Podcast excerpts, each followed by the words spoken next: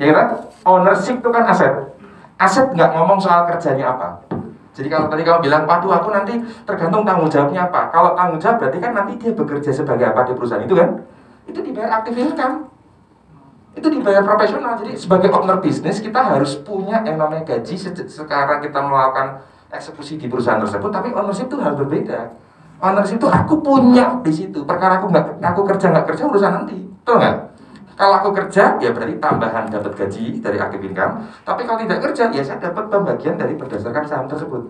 Ini kalau biasa saya kalau invest ke, ke startup ya, pertama tak tes tuh dua aset, tangible sama intangible. Itu dulu, tak list semuanya.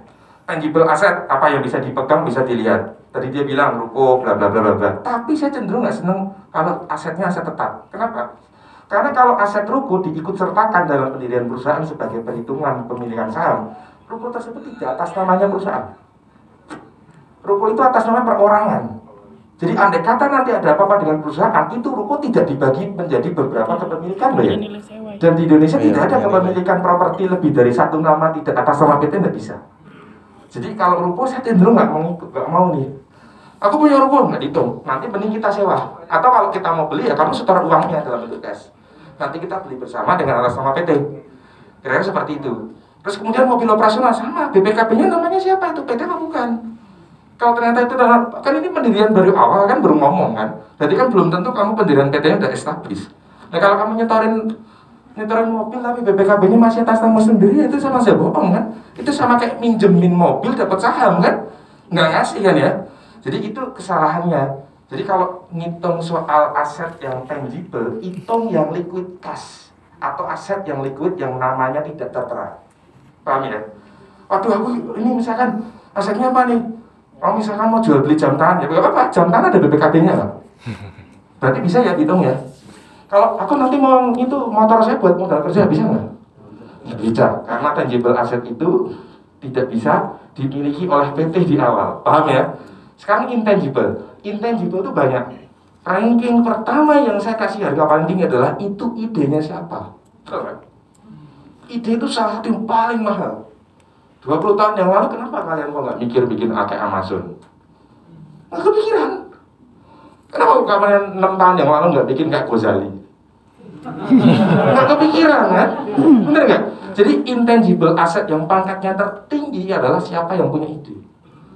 Nomor duanya, how to execute. Nah, untuk mengeksekusi itu kan berarti ada beberapa listnya nih. Misalkan nih, pertama, saya harus pinter digital marketing. Misalkan, siapa di situ yang bisa digital marketing?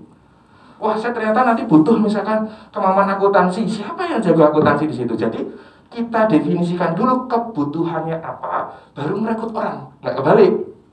Saya rekrut Mas Ferry misalkan, Mas Ferry kita joinan ya, joinan. Tapi saya tidak tahu ini nanti ini bocah ini nanti masuk ke perusahaannya jadi apa. Saya butuh apa enggak nih skillnya Mas Ferry ngelawak jadi stand up comedian? Belum tentu butuh kan? Nah karena karena skill tersebut diakuisisi sebelum perusahaan butuhnya padilis, akibatnya banyak sekali co-founder bubar. Karena perekrutannya atas dasar itu teman saya, bukan aku butuh dia. Paham enggak? Nah, intangible asset se- selanjutnya apa lagi? Siapa di situ yang sekiranya berani pasang badan? Ini penting nih, pasang badan itu apa? Tadi kamu ngomong siapa punya kenalan itu bagus. Networking, leverage, kan itu dia pasang badan. Ibarat kata nih, you pinter programmer, you pinter digital marketing, you punya modal. Tapi kalau nggak ada orang satu yang berani hmm, gebrak, nggak jalan. Betul nggak? Nah orang itu juga intangible asset.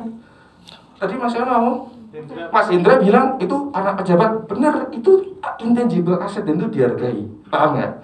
Kalau saya dari intangible asset tadi itu masing-masing tak hargai satu satu satu satu dengan tanda bintang di ide. Jadi kalau kepemilikan sahamnya nanti misalkan sama yang punya ide tanahin dikit. Gitu ya. Sedangkan tangible asset tak hargai sama. Sama harganya. Nah, perkara nanti itu gini, tak kasih trik.